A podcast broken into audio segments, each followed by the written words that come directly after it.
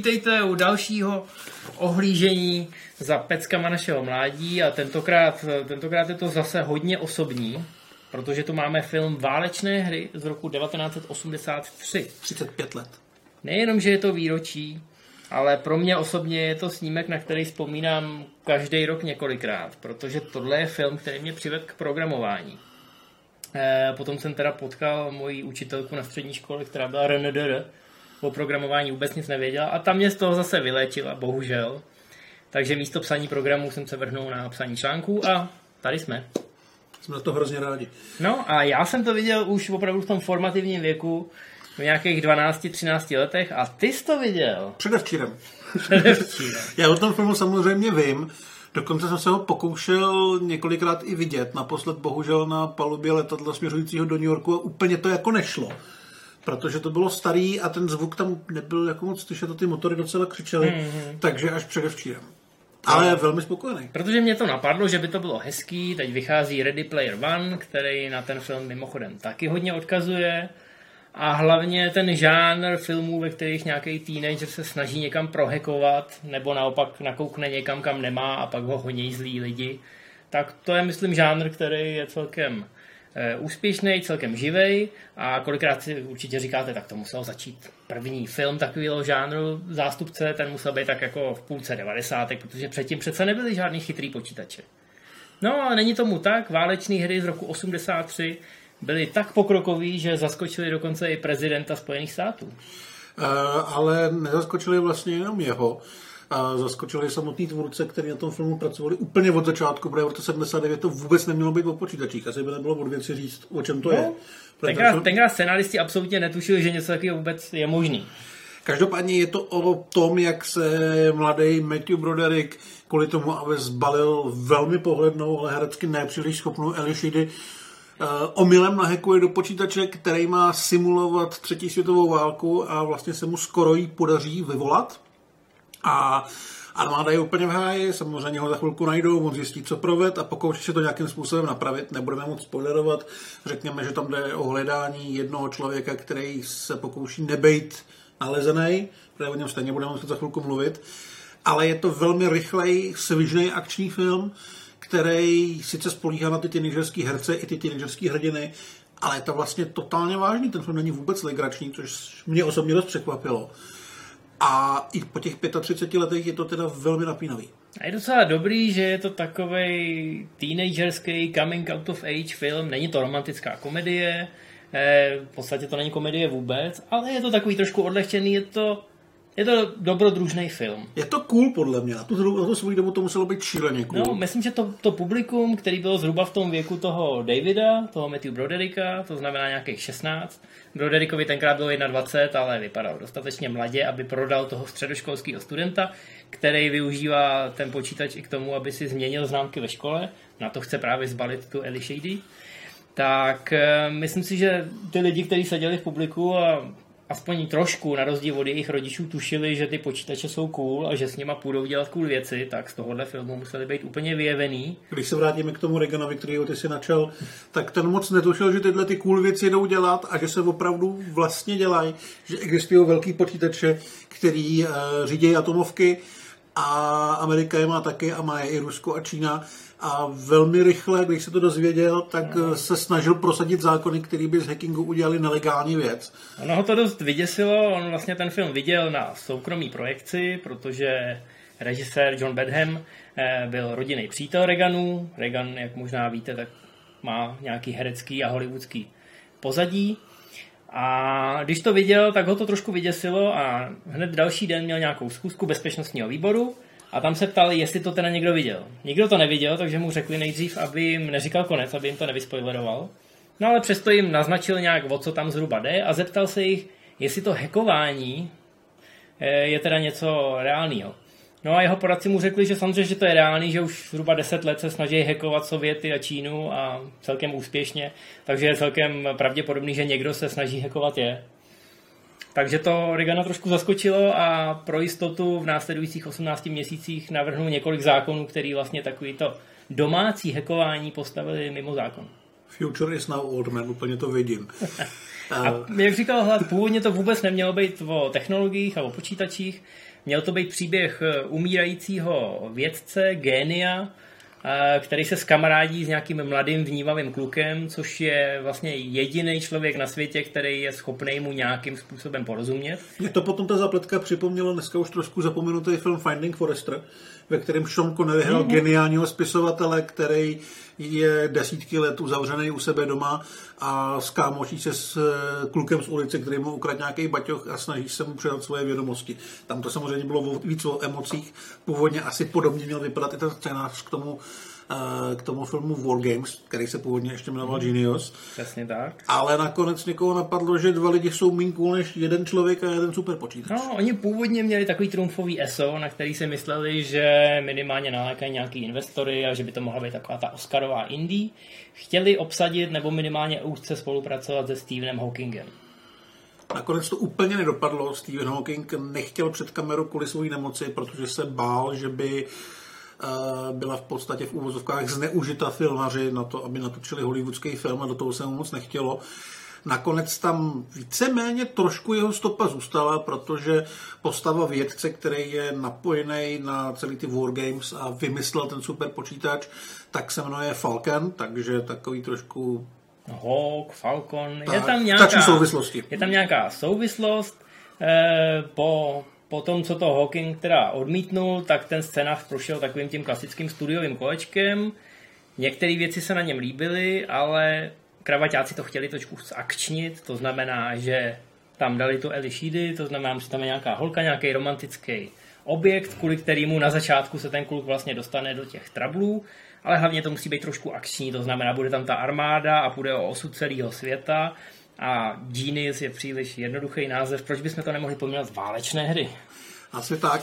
Navíc eh, dost důležitým prvkem toho filmu byl i samotný ten počítač a vlastně celý velení NORAD, kde se starají o ty atomovky.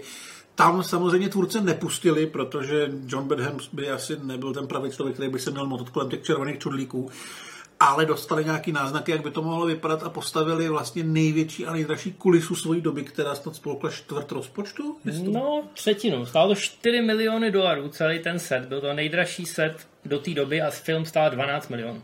Oni obsadili Matthew Brodericka, Eli Sheedy, eh, další lidi, kteří nebyli zas tak slavní, nebo až tenhle film jim nějakým způsobem nakopnul kariéru. To znamená, že se hodně utrácelo za ty praktické efekty, ale předtím, než se tohle všechno spustilo a než se alokoval ten rozpočet, tak eh, ty scénáristi odvedli opravdu, řekl bych, lví kus práce, šli do toho noradu, do toho opravdového. Tam vyspovídali místního šéfa a ten jim řekl, no počítače, počítače, ty to tady všechno ovládnou a bude to velký průšvih, já to říkám pořád. V noci zatím klidně spím, protože mám pocit, že to mám pod palcem, ale brzo to bude mít pod palcem někdo jiný z jedniček a nul. Takže to hodně vyspovídali a v podstatě na něm založili celou postavu toho šéfa toho filmového Noradu. Po premiéře vlastně šéfové Noradu se přiznali, že Norad vypadá podobně, ale zdaleka ne tak velkolepě a epicky. A je to mnohem menší kancelář s méně počítačema, méně blikátkama, ale to asi filmovým divákům vůbec nevadilo. Přesně tak. E, potom samozřejmě ty autoři scénáře našli nějaký hackery, když teda zjistili, že něco takového existuje našli týpka, který mu se přezdílel Captain Crunch, eh, podle toho, že dokázal přes telefon hacknout eh, telefonní eh, společnost tím, že se cereálí Captain Crunch vytáhnul takovou hračku, což byla taková fujara, která vydávala zvuk o frekvenci 2600 Hz. A on nějak zjistil, že když se tenhle zvuk pustí skrz ty telefonní linky, tak se mu změní jeho telefonní plán na neomezený hovory navždy. Možná vám tohle je trošku povědomí a pamatujete si scénu ze sci-fi Jádro, kde hrál podobného hackera DJ Qualls a ten udělal přesně tohle. Někomu s mobilem a řekl mu, o, teď máte neomezený data a neomezený hovory. Tak to byl přesně odkaz na tohleto. Dokonce vzniknul potom hackerský časopis 2600, který je pojmenovaný právě podle téhle finty. No a tenhle ten eh, hacker tak dal scénáristům další dobrý nápady do toho scénáře, takže vlastně v kontextu té doby, to, co se v tom filmu děje, je vlastně realistické. Je ale potřeba uvědomit si, že v té době nikdo netušil, co jsou hekři. Všem hackerům vlastně bylo kolem 20 let, když to takhle řekneme asi. Celé to odvětví začínalo nikdo nevěděl, co jsou zač. Možná i to je důvod, proč Matthew Broderick v tom filmu je vlastně docela frajer a respektovaný mezi spolužákama a letějí na něj holky.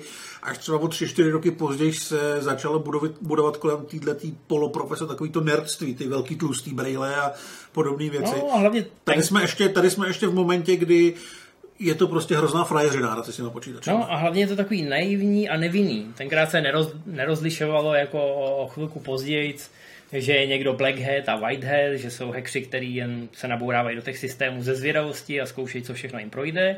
No a pak jsou Black Hati, to jsou ty hekři, co se tam snaží ukrást nějaký data nebo napáchat nějaký bugr, vypustit nějaký eh, červy nebo nějaký trojský koně. Tyhle věci se vlastně poprvé, co jsem já zaznamenal, pořádně řešili až ve stýdělech, o kterých bude za chvilku taky řeč. Od stejných scénáristů mimochodem, Právě. tam je krásně vidět, jak ta doba od té chvíle, kdy vznikly váleční hry v roce 83, tak jak ta doba během pěti, sedmi let pokročila a ta hackerská scéna pak byla úplně jinde, takže slídilové jsou o poznání temnější a takový vrstevnatější.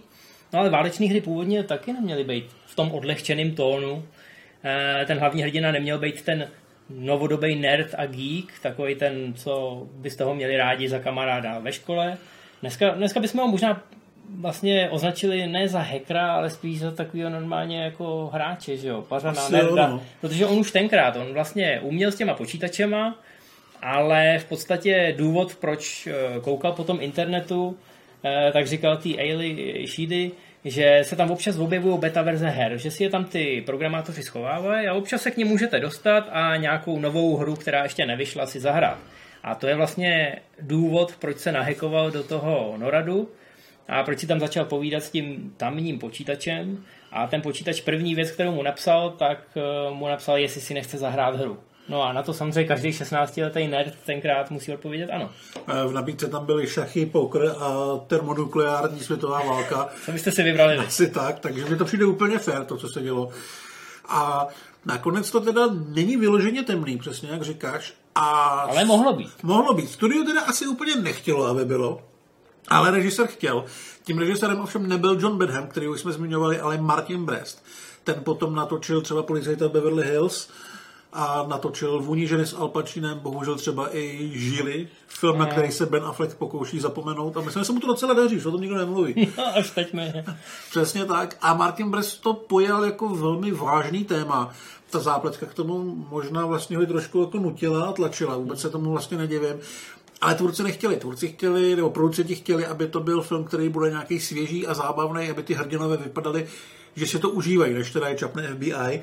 Takže Martin Brez dostal padáka a přišel na scénu John Bedham, který se přiznal, že se hodně musel snažit, aby ty dva herce přeprogramoval, tady to asi říct můžu, na to, aby hráli prostě ty zábavný teenagery. No, protože Martin Brest eh, proškrtal ten původní scénář a myslel si, že bude točit takový studeno-válečný thriller. Ostatně atmosféra roku 83 tomu napovídala, byl to ten rok, kdy Ronald Reagan o sobě tak řekl, že to jsou imperium zla. A když si vzpomenete na filmografii po tom 80. letech, pak, pak se začaly kupit ty filmy jako Rocky 4 a Rambo 3, takový ty vyloženě protisovětský. No a tenhle film Martin Brest eh, natočil několik scén, které tam zůstaly. Mimo jiné je to i úplně první scéna, kde, když budete hodně dobře koukat, tak uvidíte mladýho Michaela Macena. Já jsem ho teda vůbec nepoznal. Já, já taky ne, ale věděl jsem o tom, takže jsem si to všímal. On je tam opravdu tak mladý, že ty jeho rysy, co znáte dneska, dneska on je takový hodně strhaný, jak kdyby mu vždycky dal někdo pět minut předtím, než jste ho potkali přes trošku. Ale tenkrát byl docela pohledný, takže by v něm nikdo toho Michaela Macena nezvedal. Vypadá jak mladý Tim Robbins. No, ale ta úvodní scéna je taková hodně intens. Je hodně intens, je hodně temná a, a podle mě je hodně povedená. Jo? Mm-hmm. Já si myslím, že ten film právě docela vyhrál tím, jak se mu daří kombinovat tu lehkost a tu zábavnost, který chtěli ty producenti, zároveň s tím, že ta studená válka tam je prostě hmatatelná, že těch scénářů, který může ten počítač hrát a který skončí atomovkama, jsou tam desítky. Já mám pocit, že je dokonce nějaký když to problikne, tak je spojený i s Československem a podobně. On vyzkouší, aby nechceme zabíhat úplně do toho konce, který je hrozně strhující a budete tam opravdu na kraji křesla, nechceme vám to zkazit. Ale on vyzkouší zhruba 150 hypotetických scénářů, jak by mohlo dojít k té termonukleární válce. A samozřejmě v každém scénáři jde o to, že se nějaká skupinka zemí dá dohromady a zautočí na někoho dalšího. A přesně jak si řekl, i, i my jsme se zúčastnili. I když nemáme atomovky, ale, ale byli jsme u toho. No, každopádně, když teda Martin Brest eh, pro kreativní neschody se studiem od toho odešel, nemusíte ho litovat, protože on opravdu natočil potom policajta v Beverly Hills, což byl obrovský hit. Natočil půlnoční běh, který je v Americe dneska strašně kultovní. No a mimochodem ten počítač, který se jmenuje Whopper, což je War Operation Plan Response, ten, co stál ty 4 miliony, tak u toho ještě Martin Brest byl, když se to stavělo. A když se podíváte na scénu v Policajtovi v Beverly Hills, když Axel Foley přijde na, to, eh, na tu stanici v LA a říká, jak to tam je všechno nový a moderní a taky tam mají počítače. A když si všimnete, tak je tam jeden záběr na počítač, který řídí celý to středisko a zkoumá vlastně tu zločinnost v okruhu několika desítek kilometrů od LA, tak Martin Brest říká, že ten počítač je vlastně zmenšený Whopper, že on si to tak nějak jako vzal, protože si říkal, taky jsem se na tom podílel a postavili si něco podobného malého. Je to napůl odkaz a napůl takový, takový prostředníček možná, že ho tam to vylili. Tak to je docela zajímavý. Mimochodem... Ale není, není vlastně žádný překvapení, že on potom šáhnul, pokud ho navíc hmm? pokoušel se vyrobit, protože původně tam neměl být počítač Whopper, měl tam být Uncle Oli a měl to být systém laserových zbraní z vesmíru, ale tvůrcům připadlo, že to je eh, trochu moc zahranou a moc jako hypotetická zbraň, která nemusí vlastně vůbec nikdy nebo nejbližší tobě vzniknout, takže až potom teprve se dostali k normálnímu počítači. Malý detail mimochodem, eh, ten počítač, eh, my jsme vysvětlili, co znamená ta zkratka, ale význam té zkratky se vymýšlel až zpětně, protože původně to byl jen takový for. Oni totiž zjistili, že počítač v Noradu se jmenuje BRGR, což je zkratka z burger. Jo, taky má samozřejmě ta zkratka nějaký opravdový vojenský význam, protože tak to v armádě vždycky funguje, že oni vymyslí nějaký cool, nějakou cool zkratku a pak až zpětně se k tomu vymyslí význam. No tak Whopper je v podstatě zkrátka z Whopper, což je samozřejmě druh burger u Burger Kinga. Tak to je jen takový malý detail. Jak jsme řekli, ten počítač stál 4 miliony, ve skutečnosti byl celý postavený ze dřeva, aspoň teda ten samotný počítač. Ty 4 miliony padly mimochodem i na zbytek toho řídícího střediska, což byla obrovská místnost s obrovskýma monitorama. Plná uděláte, který svítí a vypadá to hrozně dobře. Vypadá to úžasně. Mimochodem ty monitory nebyly monitory, protože ty tenkrát neexistovaly, takže to složitě promítali různýma projektorama Grafika na všech monitorech byla vyrobená předem, protože takovýhle počítače s takovou grafikou tenkrát ještě neexistovaly. Jak říkal Hlad, potom když to viděli ve opravdovém Noradu, tak si řekli, hele, proč to u nás nevypadá takhle cool? A zařídili to tak, aby, aby Amerika do toho vrozila tolik peněz a daňoví poplatníci aby to tam takhle vypadalo za nějakých 5-6 let. Takže se nechali inspirovat tím filmem a těma digitálníma efektama. Ten film byl velký hit, takže já myslím, že schánět peníze na takovéhle věci nebyl problém, protože půlka Ameriky byla naprosto vyděšená, že se něco takového může stát. Stejně no, jako Reagan. Já myslím, že někdo, Leonard Maltin, myslím, jeden z amerických kritiků, to označil za digitální čelisti, že zatímco 10 let předtím jsme se báli po Spielbergově filmu chodit na pláži, že nás tam zakousne žralok, tak po tomhle filmu ty čtyřicátníci, co tomu zas tak moc nerozuměli a byla to pro ně velká exotika, tak vycházeli z kina a okamžitě začali řešit, pane bože, musím doma všechno odpojit od elektřiny, jinak mi někdo nahekuje ledničku. Samozřejmě ten film měl obrovský vliv eh, nejen na tu hackerskou komunitu, ale i na to, že lidi najednou zjistili, že existuje něco jako modem, co si můžou koupit a že si můžou koupit počítač a třeba se s někým spojit přes půlku světa. Takže ta popularizace nejen termonukleární války, ale celý počítačový subkultury, tak eh, pro tu ten film udělal obrovský, obrovský hodně. Ale díky Johnu Benhamovi, který to natočil a který potom třeba natočil i číslo 5 žije, tak díky tomu se z toho stal ten přístupný film o tom teenagerovi, který se vlastní zvídavostí dostane do velkých problémů ale nakonec díky tomu, že mu to fakt pálí a má ještě tu nevinnou duši, tak se mu povede i všechny ty průšvihy nějakým způsobem zamáznout. Velkou výhodu měl v obsazení, protože když jsem řekl, že Ališidy nebyla, a myslím si, že ani není moc kvalitní herečka, tak tady byla fakt výborná a nakoplo jí to k naprostým kultu snídaňový klub od Johna Hughese, to samý Matthew Broderick, který taky s Hughesem udělal volný den Ferise Bellera. O Elišidy už dneska není moc slyšet, Broderick ještě furt funguje, ale myslím si, že se hrozně moc snaží právě zachovávat ten svůj mladistvý vzhled, jak ho měli v těch 80. Mm. lidi rádi. Já osobně ho moc nemusím, ale uh, myslím si, že v těch 80. letech větší hvězda tohohle toho věku pro tuhle tu generaci diváků nebyla. Uh, vlastně eh, třeba i ty váleční hry potom sám varioval, když natočil Projekt X s tou samou mm. partou, kde zachraňuje opičáky, je to takový jako přístupnější, nebyl to teda takový hit, ale je to velmi podobný atmosférou a vůbec, eh, vůbec tím stylem. Takže tyhle ty dva lidi, kteří se motali před kamerou, tak jsou asi za to hodně vděčný. No, jim to neuvěřitelně nakoplo tu kariéru. Všechny ty filmy, které si jmenoval, tak vlastně následovaly až po úspěchu tohohle filmu, který ano, stál 12 milionů, což nebylo úplně málo, ale vydělal asi 80. Byl to pátý nejnaštěvovanější film ten rok a hlavně se o něm hodně mluvilo, takže si opak pouštěli lidi různě při nejrůznějších příležitostech a byl to přesně ten film, o kterém jste řekli kamarádovi, takže tam byl ten lavinový efekt No a jak jsme, jak jsme řekli, Ališidy potom si zahrál ještě v číslo 5 žije, takže se stala takovou, takovou modlou těch eh, nerdů. Ona byla docela tenkrát hezká, mladá, navíc eh, v tomhle filmu, v těch válečných hrách, ona je tam trošku křový, ale je tam přesně jako taková ta holka, co se furt toho Matthew Brodericka ptá, jak si tohle udělal a jak je tohle možný. V podstatě funguje v tom scénáři jako taková vysvětlovačka. Ona se vždycky zeptá na něco, co je potřeba říct divákům ale v očích těch nerdů je to samozřejmě ta hezká holka, co by se, jim, co by se jich občas mohla uh, v počítačovém kroužku zeptat, a jak by si naprogramoval tohle a nemohl bys mi pomoct úkolem. To znamená to, co chcete, aby se stalo. Že jo? Na tom stříbrném plátně najednou máte tu situaci eh, krásně v živých barvách s hezkou Elišídy, takže ona potom z tohohle fanbojovství docela těžila v těch 80. letech. Ten film, ale jak už jsme řekli, není založený úplně na tom, co bychom u filmu pro teenagery čekali. Já si myslím, že to má velmi intenzivní akční scény. Jedna je i taková celkem postivá, protože během ní se jede jeepem, který se otočil, aniž by to kdokoliv chtěl. A v tom filmu to, to mělo zůstat. A už ty jsi to vlastně říkal, že to finále posledních třeba 15 minut je opravdu nervy drásající podívaná.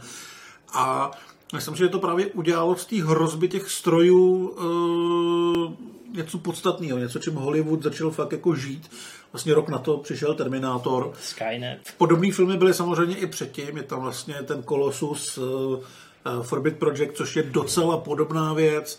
Myslím si, že malinko to mohlo vycházet třeba i z doktora divnolásky mm. nějakým způsobem. A ten Colossus, eh, to jsou sedmdesátky, to by se dalo opravdu vnímat jako takový pravotec Skynetu mm. a Cameron určitě ten film zná protože Colossus je o počítači, který teda se spustí, armáda ho připojí k těm svým defenzivním systémům, celému světu oznámí, že má nejlepší systém na světě. No a Colossus první, co zjistí, když se zapne, že existuje ještě nějaký takovýhle počítač, No a posléze, když u něj dojde k tomu sebeuvědomění, tak uh, začne těm lidem diktovat podmínky a to, co by měli dělat, aby teda žádný ty války nebyly. No a že jestli ho nebudou poslouchat, tak pár těch atomovek někam hodí, aby viděli, co by se dělo, kdyby neposlouchali. Takže v tomhle je to takový trošku temnější film, hodně zajímavý, ale v 70. letech ho samozřejmě všichni považovali za absolutní sci-fi, protože takovéhle počítače neexistovaly a neexistovalo ani takovéhle propojení. Když jsme v těch 70. letech, tak si myslím, že váleční hry trošku připomínají i čínský syndrom, minimálně hmm. tím vizuálem a tím, že se tam řeší nějaká katastrofa, která není úplně pod kontrolou lidí a tím, že ty počítače tam jsou opravdu ještě veliký, jak dva obejváky a má tam spoustu diod a všechno tam svítí a všechno tam bliká, což je samozřejmě mnohem zajímavější a napínavější filmarsky než dneska, když vyběre nějaká, nějaká hláška na monitoru a začne blikat červený světilko. Takže z těch filmů to podle mě docela čerpá minimálně, co se týče té atmosféry. A prostě pro mě bylo docela velkým překvapením, že tam běhají postavy, které má být 16-17 let a nechovají se tak, že by měli buď hláškovat, nebo být vyděšený. Jo, že kdyby tam byl někdo o 10 let starší, kdyby to byly prostě postavy, hmm. které studují vysokou školu, tak ten film by byl podle mě ještě neúspěšnější, ale možná by tam právě fungovala ta temnota, kterou chtěl ten Martin Brest tam vytvořit. Hmm, ale díky tomu je to perfektní, dobrodružný mm-hmm. film pro ty děcka, yep. který se do toho teprve dostávají a který na tom potom odrostli. To, co se dělo ve zbytku 80. let a na začátku 90. tak ta generace, která odrostla na tomhle filmu, tak dokázala potom obrovské věci a do dneška se ten film třeba promítá každý rok v Google, v ústředí Google a koukají na to jako na takový ten vintage, jako takový ten film, který těm šéfům, který tyhle firmy postavili, ať už to byl Apple nebo Google, nebo celá ta vlastně dnešní internetová eh, startupová kultura, tak všichni, všichni, když jim řeknete váleční hry, tak automaticky budou vědět, o co šlo, protože mají v hlavě toho Matthew Brodericka, který byl hrozný machr, uměl hrát, eh, uměl hrát eh, tu... Galagu. Galagu. No, on teda hrát neuměl, dostal automat na dva měsíce domů a musel poctivě trénovat. Musel se to naučit, eh, stejně tak, jak mu běhají ty prsty po klávesnici, tak to je taky trik. Matthew Broderick s těma počítačema se sice chtěl zžít, ale neměl na to tolik času, takže oni naprogramovali počítač, aby na obrazovce se objevovaly ty správné věci bez ohledu na to, co zmáčkne. A podobných filmových kouzel tam je samozřejmě hodně. Důležitý je, že ve výsledku to na tom plátně vypadá naprosto realisticky a když se potom po eh, zhlídnutí toho filmu někdo zeptal někoho, kdo těm počítačům rozuměl, tak mu řekl, jo, to je docela dobře možný, zas tak moc si tentokrát nevymýšleli. Zkrátka už to nebylo tolik sci-fi a byla tam ta realita. Ty jsi vlastně mluvil o tom kultu, že v Google to je kult, v Noradu vlastně taky. A dneska, když se podíváte na Ready Player One, tak ten film z toho velmi vychází v nějakých momentech minimálně v tom vztahu k těm 80. letům, což dává smysl, ale třeba i eh, v Ready Player One je postava toho mýtického tvůrce té virtuální reality, tak tady máme zase postavu toho Falkena, který taky je spíš mýtus než nějaký skutečný člověk a zůstalo po něm něco, co se mu trošku vymklo z rukou a žije si to malinko vlastním životem. Uh, Ernest Klein z toho hodně vycházel v této v rovině, ne úplně třeba vizuálně nebo příběhově, ale ten feeling uh, Ready Player One minimálně toho knižního tam určitě cítit je. No a jak jsme mluvili o tom Falkenovi, jemu se to opravdu vymknulo z rukou a on se tak nějak odebral do ústraní, protože nechtěl pomáhat uh, váleční mašinerii, dospěl k tomu, že jeho přesvědčení je spíš o tom udržování míru, což je mimochodem myšlenka, která v tom scénáři byla úplně od začátku a kvůli ní, když jim nevyšel Hawking, tak oslovili Johna Lennona. John Lennon měl zájem se v tom filmu objevit, ale bohužel v roce 1983 už nebyl mezi živými, ale myslím si, že by to bylo velmi stylový. Na druhou stranu možná by to možná až příliš tlačilo právě na to mírové poselství a z toho akčního zábavného filmu by to možná chtělo být trošku ambicioznější, což nevím, jestli by bylo zrovna dobře. Hmm. Ale bylo by to určitě zajímavý a byla to zajímavá volba. No, nakonec obsadili Johna Wooda, což není úplně super známý herec, ale má eh, hodně zkušeností z divadla, je to klasický Shakespeareovský herec a působí tam On je takový ten typ, který mu automaticky věříš toho mentora, je, působí moudře, rozvážně. Kdyby byl černý, hrál by ho Morgan Freeman. je to bílej Morgan Freeman. ne, ale funguje tam skvěle ta chemie mezi ním a Broderickem, ta chemie mezi mentorem a tím žákem. Je tím tam to nadšení, který, který mají oba dva pro ten, pro ten počítač. Jo? A vlastně tam je docela hezký ten motiv toho, že ten John Wood už s tím nechce mít nic společného a znova se to v něm probouzí díky tomu Broderickovi, který uh, se v tom sice odtnul trošku jako neúplně dobrovolně, ale hmm. že, že se vidějí, že byli podobní, měli podobný sny, měli byli no, a tam je, ještě, tam je ještě rodinný podtext, který nebudeme spoilerovat, že jo, ale který se odráží i ve skutečným méně toho počítače Aha. a je to i důvod toho, proč se ten Falcon vrátí a pomůže ten svět tomu Davidovi zachránit. Ti dva se mimochodem přišli o pár let později ve výborný jestřábí ženě, ale tentokrát už to nebyli kámoši. Uh-huh. A mimochodem ještě zajímavá věc ohledně toho Vopru. Tam je krásný to, že on nabídne tomu Davidovi, jestli si s ním nechce zahrát hru. David souhlasí, teď hrajou tu hru, ale Vopr je vlastně nevinný, protože on nevidí ten rozdíl mezi hrou a realitou. To nás vlastně dostane do toho průšvihu, protože to, že si David vybere, no tak koho bych těma atomovkama vybombardoval? Tak co město, ve kterém právě bydlím? Takže tam jako označí nějaký cíle a netuší, že v tu chvíli Vopr eh, spustí nějaký odpočet a že nevidí rozdíl mezi skutečnou termonukleární válkou a tou hrou. Nevidí rozdíl v tom, jestli se to má vyzkoušet na ostro nebo na oko. No a v tom je samozřejmě hlavní průšvih. Důležitý je, že ten Whopper z toho nevychází jako záporák. On je takový hezký, obrovský počítač, který mimochodem původně neměl mít žádný diody nebo blikátka, ale John Badham, když to viděl, tak si říkal, k takovým počítači si lidi v životě nevytvoří žádný vztah, ten musí nějak vypadat, musí tam ty eh, musí tam ty světilka hrát ve chvíli, kdy on přemýšlí, ve chvíli, kdy přemýšlí hodně, tak se to musí měnit. Zkrátka, aby tam byla nějaká osobnost u toho stroje. No, ale to se myslím docela povedlo. To se povedlo tím, že v tom počítači byl vlastně zalezlý člověk, který všechny ty věci rozsvěcoval a zasídal na pokoj režiséra. Ale určitě ten Whopper má nějakou osobnost a já si myslím, že Skynet prostě vzniknul tady, minimálně ten základ. No, určitě. Uh, Skynet eh, se objevil hned o ten rok později, že jo? To byl samozřejmě mnohem eh, temnější, mnohem ostřejší záporák, co se týče těch počítačů, ale tyhle dva filmy bych řekl, že svým způsobem každý zavedli tu, real, tu reálnou hrozbu těch mm-hmm. počítačů, který se proti nám můžou spiknout. To, co v 70. a třeba i v 60. letech, vzpomeneme si na 2001 vesmírnou Odiseu a na Hola, tak to, co nám tenkrát přišlo hrozně vzdálený a nereálný, tak to najednou získalo ty opravdový obrysy. Najednou a... šlo vyvolat válku přes telefon. A od té doby jsme se toho nezbavili. Už jsme tady zmínili ty slídily, to byl začátek 90. let. Výborný film s Redfordem, nebudeme o něm moc prozrazovat, třeba si časem najde cestu do tohohle našeho cyklu.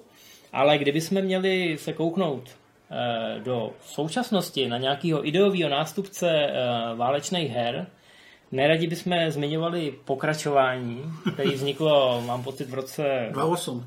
2008, asi jo. No bylo to hrozný Bčko, šlo to rovnou do televize.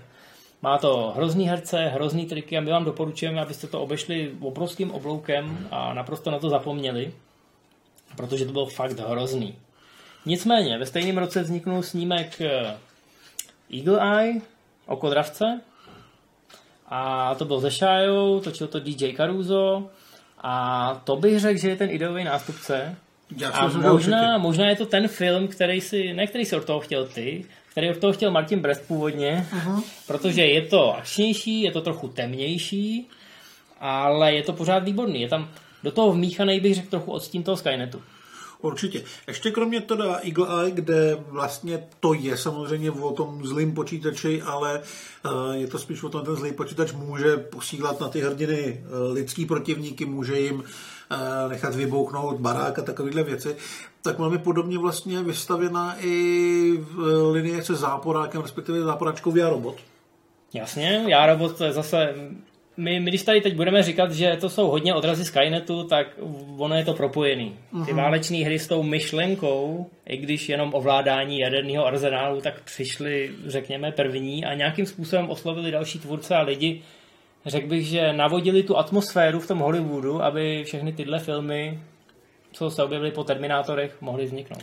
Vlastně opr i Skynet a i ty novější počítače, který se zblázní nebo začnou zlobit, vždycky to je o nějakém morálním konfliktu, který lidstvo by mohlo nějakým způsobem vyřešit dialogem nebo prostě nějakým pudem sebezáchovy. Ty stroje ne, ty stroje prostě počítají a je jedno, jestli teda u toho blikají jako ten Hooper, nebo jestli mluví jako Julian Moore v Eagle Eye a podobné věci. Ten konflikt je tam vlastně vždycky stejný. Jo? Jde o to, že prostě lidstvo musí najít svoje lidství a nějakým způsobem tím lidstvím porazit ten stroj.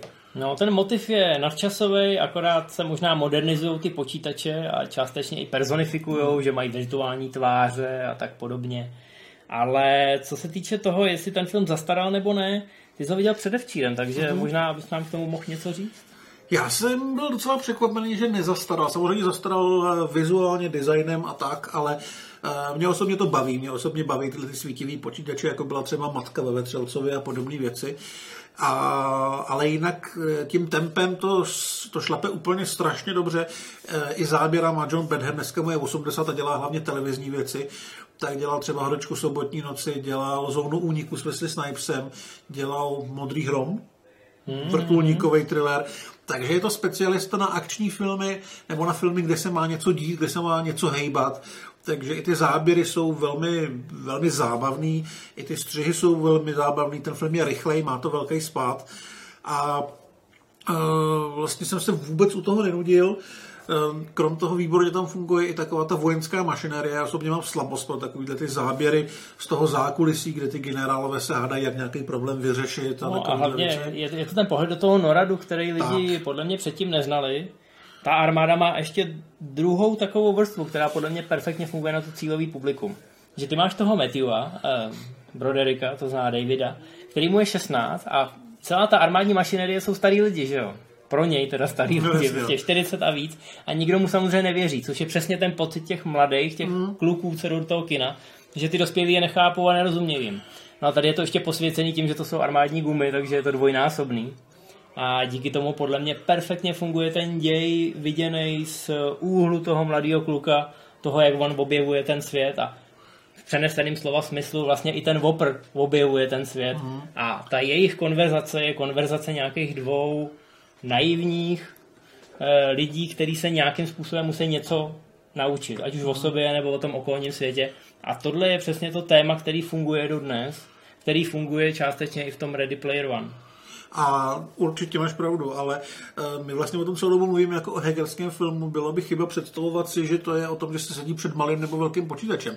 My se z toho noradu dostaneme poměrně rychle a poměrně často ven, hmm. takže tam jsou klasické honičky, nejsou tam samozřejmě bitky, protože uh, Broderikovi je 16 a když se objeví FBI, tak se podělá ale jako jsou tam efektní záběry, kdy vrtulník někoho nahání nocí, kdy se musí hmm. uh, autem rychle dostat na loď, která ujíždí, takže ten film je opravdu akční. Není to, jo, není, to, to podstatě... konver, není to konverzačka před, před nějakým monitorem. Svým způsobem ten hacking je tam jenom na začátku jako ta rozbuška uh-huh. a potom to připomíná uprchlíka.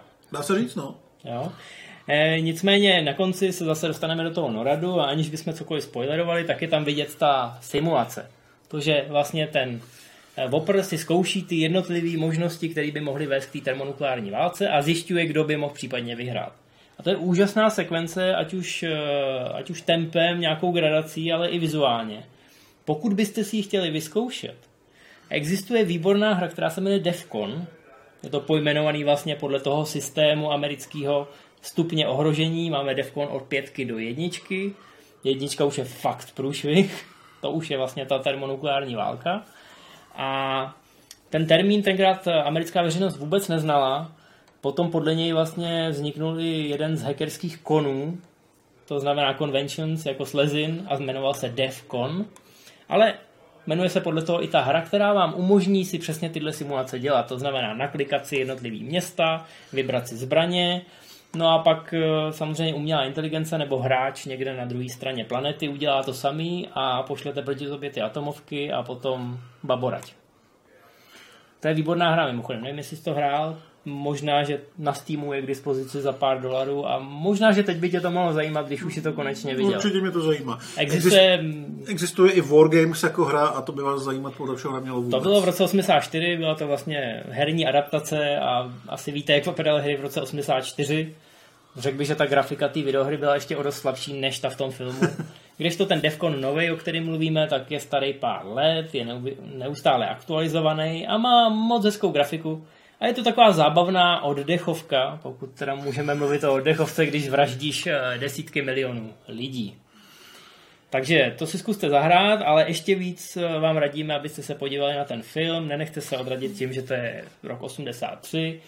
Nenechte se odradit tím, že trailer vypadá trošku televizně, protože ten film eh, má opravdu pod taktovkou Johna Bedhama svoje krásný tempo a je to hezký dobrodružství, úplně ideální pro mladý, ale možná i pro lidi, kteří dneska jsou starí a tenkrát byli mladí a nebo vyrůstali v devadesátkách, učili se programovat.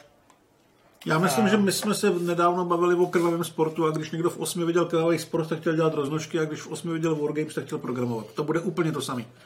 Je to tak? Takže pokud vám to do dneška unikalo, nebo jste se třeba naučili programovat o 10 let později a o tomhle filmu jste jenom slyšeli a šetřili jste si ho do teďka, že prostě třeba jednou se na něj podíváte, ale odrazovalo vás to, že je starý, tak vězte, že je sice starý, ale zraje jako víno, což u těchto filmů založených na technologiích se zas tak často nestává.